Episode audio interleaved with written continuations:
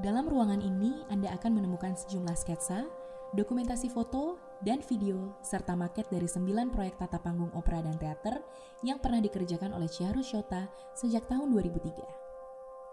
Selain karya-karya teater kontemporer Jerman seperti Solitude, sebuah sandiwara jenakanan puitis yang ditulis oleh Kirsten Speck, dan Tattoo, sebuah drama karya Delor, Shota juga terlibat pada sejumlah iterasi baru dari karya-karya klasik.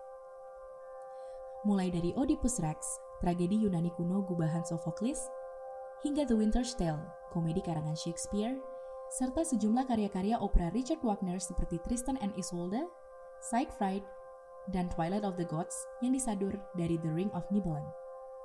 Matsukaze, lakon klasik Jepang dari teater tradisional Noh, diadaptasi menjadi sebuah opera kontemporer yang dipetaskan di Brussels, Belgia pada tahun 2011.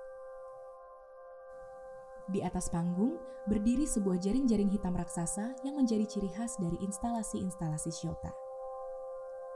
Para penari dan aktor memanjati jaring-jaring ini dan bergerak ke segala arah, membuat instalasi ini menjadi sebuah semesta kecil yang hidup.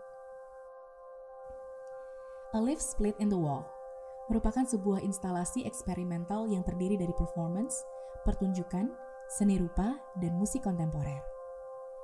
Berbeda dengan format konser pada umumnya, di mana penonton hanya bisa menyaksikan pertunjukan dari luar panggung, di sini penonton diajak untuk menjelajahi seluruh instalasi secara bebas, sehingga menjadi bagian dari ensemble yang menyerupai tubuh makhluk hidup yang dinamis dan terjalin erat oleh tabung-tabung merah. Melihat rancangan tata panggung ini, Anda akan langsung menyadari sejumlah elemen visual yang dapat ditemukan pada karya-karya sang perupa. Bagi Shota yang praktiknya berpusat pada tema kehadiran dalam ketiadaan, keberadaan para penyanyi, penari, dan aktor benar-benar yang berinteraksi langsung di atas panggung merupakan konteks yang bertolak belakang dari pembuatan instalasi untuk dipamerkan di ruang galeri atau museum.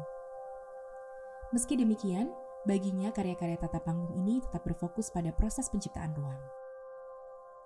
Proses kolaborasi yang melibatkan para pekerja panggung seperti sutradara, aktor, penari, dan koreografer telah menginspirasi praktik Shiota. Baginya, proyek seperti ini bukan sekadar pekerjaan mendekorasi panggung. Lebih dari itu, proyek seperti ini menyangkut kepekaan untuk menyesuaikan dekorasi dengan setiap adegan, merancang ruang sesuai dengan gerakan para penampil, dan memikirkan bagaimana pencahayaan panggung yang berubah-ubah akan mengubah persepsi, emosi, dan fokus penonton saat menyimak pertunjukan. Bila ditelaah lebih jauh, kita juga bisa menarik semua benang merah dari kesembilan karya pertunjukan yang direspon olehnya, yang masing-masing mengangkat cerita tentang kehidupan manusia dan kemalangan-kemalangannya, serta bagaimana tragisnya kehidupan pun masih bisa menyisakan harapan. Dengan demikian, tata panggung menjadi pilar penting dari proses dan hasil kreatif Shota yang memperluas spektrum kemungkinan untuk menikmati dan berinteraksi dengan karyanya.